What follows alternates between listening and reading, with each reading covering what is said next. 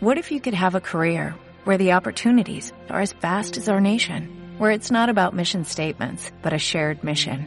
At U.S. Customs and Border Protection, we go beyond to protect more than borders, from ship to shore, air to ground, cities to local communities. CBP agents and officers are keeping people safe.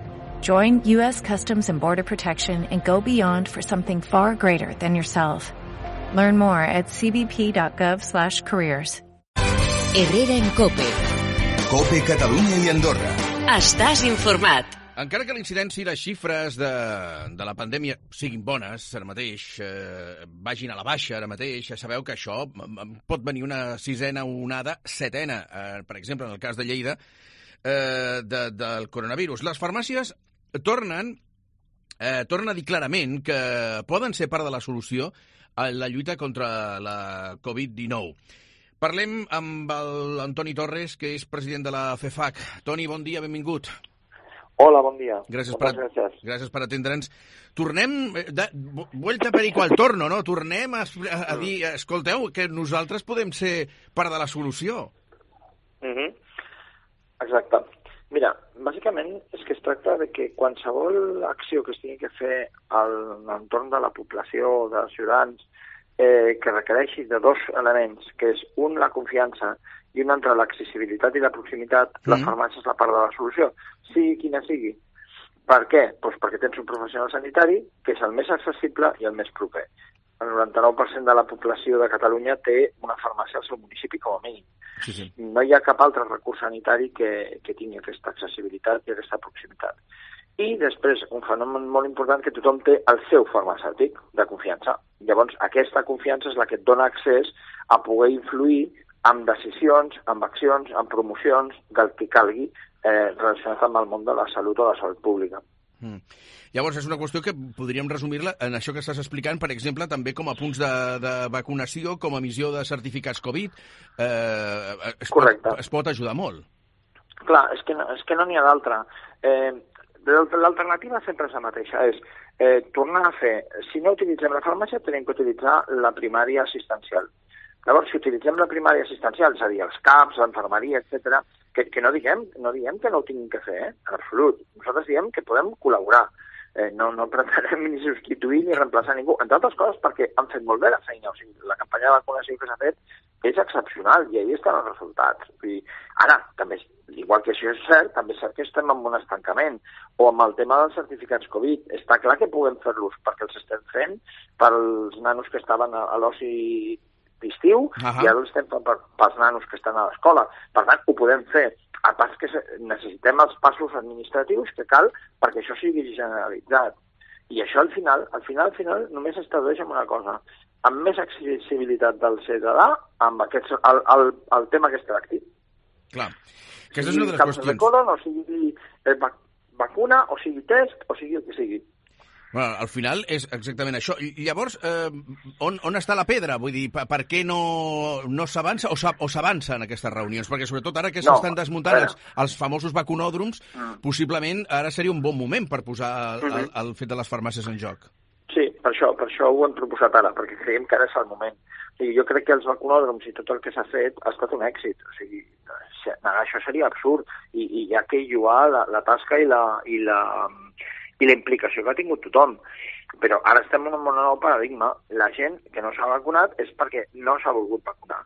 I ara aquesta gent cal anar a buscar-la un per un. De fet, és la mateixa estratègia que està fent el propi departament, el CatSalut, enviant els autocars, enviant això, enviant l'altre nosaltres diem que hi ha una part que nosaltres podem accedir perquè tenim aquesta confiança i aquesta visita gairebé setmanal de la persona eh, en la que pot venir a comprar des d'un preservatiu si és un jove a un, una crema si és una noia a un, eh, eh, un tractament crònic si és un mig adult Mm. val?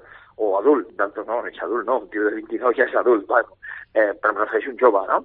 Ah Eh, tota aquesta capacitat, eh, jo nosaltres creiem que és bo aprofitar-la. Mm, Que el, després, si no es considera dient, doncs no passa nada. Simplement ens oferim.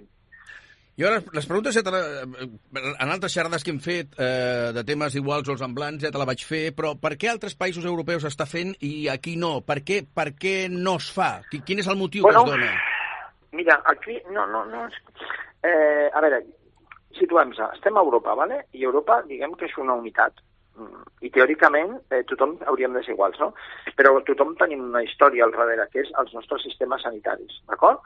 Cada país té un sistema sanitari amb unes característiques. El nostre té una característica que és que l'atenció primària és molt potent i permet fer coses que altres països no poden fer. ¿vale? Llavors, com que ja les fa primària, no les fa pues, les farmàcies. bueno, això és cert. Però a quin preu? El preu és el cost que té, no, i no parlo del cost econòmic, eh? parlo del cost eh, amb mm, crònics que no es poden tractar perquè eh, la persona o el professional està fent A i no pot estar fent A i B, sigui, o fa A o fa B, eh, amb estrès del propi sistema, amb situacions excepcionals dels propis professionals i del sistema, i nosaltres diem, ostres, per guanyar eficiència i per guanyar millor servei, per què no ens utilitzeu, en el bon sentit de la paraula, i podeu alliberar persones que estan, són necessàries en altres parts del propi sistema, pues, jo què sé, per fer el seguiment de crònics o per fer el que calgui. Ja, no? ja, ja, crec que en el fons igual, igual, et pregunto, igual ara vaig pel camí que no és, però jo t'ho uh -huh. pregunto, eh, potser hi ha una eh, desconfiança, per dir-ho d'alguna manera, o recelo de no deixar part de les qüestions públiques en mans de privada perquè les farmàcies no deixen de ser privades. Llavors passem un, una pilota del sector públic cap al privat. Bueno, jo crec que al final no és un tema si és privat o és públic o no. Perquè, a veure, el sistema sanitari a Catalunya, eh, està l'organització que té actualment, està basada en la comunitat de Prat de la Riba, d'acord? És, eh, o sigui, és un històric, realment, que es va fer històricament. Es va agafar eh, quan, la, quan va venir la democràcia i es van traslladar totes les responsabilitats en salut i planificació a les autonomies, doncs ja van haver autonomies que no tenien una estructura sanitària pròpia.